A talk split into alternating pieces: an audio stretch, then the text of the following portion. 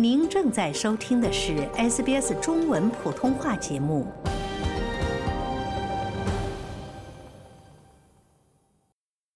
香港高等法院本周一一月二十九日下令对中国房地产巨头恒大集团进行清算，这一决定可能会在中国摇摇欲坠的金融市场引发连锁反应。中国政策制定者正忙于遏制日益加剧的危机。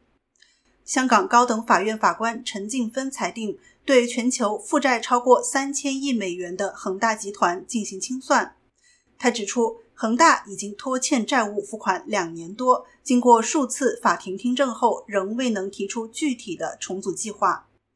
陈法官表示，法庭认为已经是时候结束了。他将于周一晚些时候详细阐述裁定理由。恒大集团执行董事肖绍恩对中国媒体表示，尽管已经接到了清算令，但公司仍将确保房屋建设项目继续进行。他补充说，这一裁决不会影响恒大在岸和离岸单位的运营。香港高等法院这一决定将开启一段预计漫长而复杂的过程，并可能涉及多个相关部门的政治考量。海外投资者将关注中国当局在公司破产时对外国债权人的处理方式。恒大股票在听证会前一度下跌百分之二十，在法院公布裁决后，中国恒大、恒大汽车、恒大物业都中途停牌。中国恒大拥有两千四百亿美元的资产，其债务违约使困境中的中国房地产行业进一步陷入危局。而清算裁决可能进一步刺激本已脆弱的中国资本市场和房地产市场。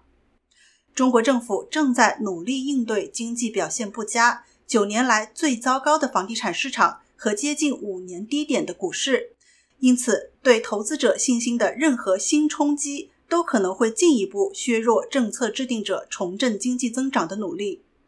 恒大本周一再次申请延期清盘聆讯，其律师称公司在重组方案上取得了一些进展。在最新的提议中，恒大建议债权人将其债务转换为该公司持有的两家香港子公司的全部股份。而在去年十二月举行的上一次听证会之前，恒大持有两家子公司约百分之三十的股份。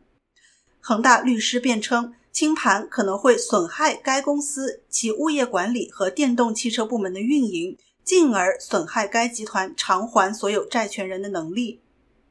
近两年来，恒大一直在与债权人团体“债权人特别小组”商讨一项二百三十亿美元的离岸债务重组计划。曾为境外债权人提供咨询服务的法律顾问索林表示：“我们对结果并不感到意外。”这是公司未能与债权人小组展开对话的结果。索林指出，该公司被清算只能怪自己。恒大在去年七月的香港法庭听证会上引用了德勤的一项分析，估计如果开发商被清算，回收率将为百分之三点四。而恒大在去年九月表示，其旗舰子公司及其董事长许家印正因不明罪行接受当局调查。此后，回收率跌至预计百分之三。由于债权人指定的离岸清算人可能需要数月甚至数年的时间才能控制中国大陆各地的恒大子公司，因此预计香港高等法院的这一裁决在短期内对恒大的运营，包括房屋建设项目影响不大。二零二二年六月。恒大旗下房车宝的投资者嘉盛环球首次提出了清盘申请，称恒大未能履行协议回购其购买的子公司股份。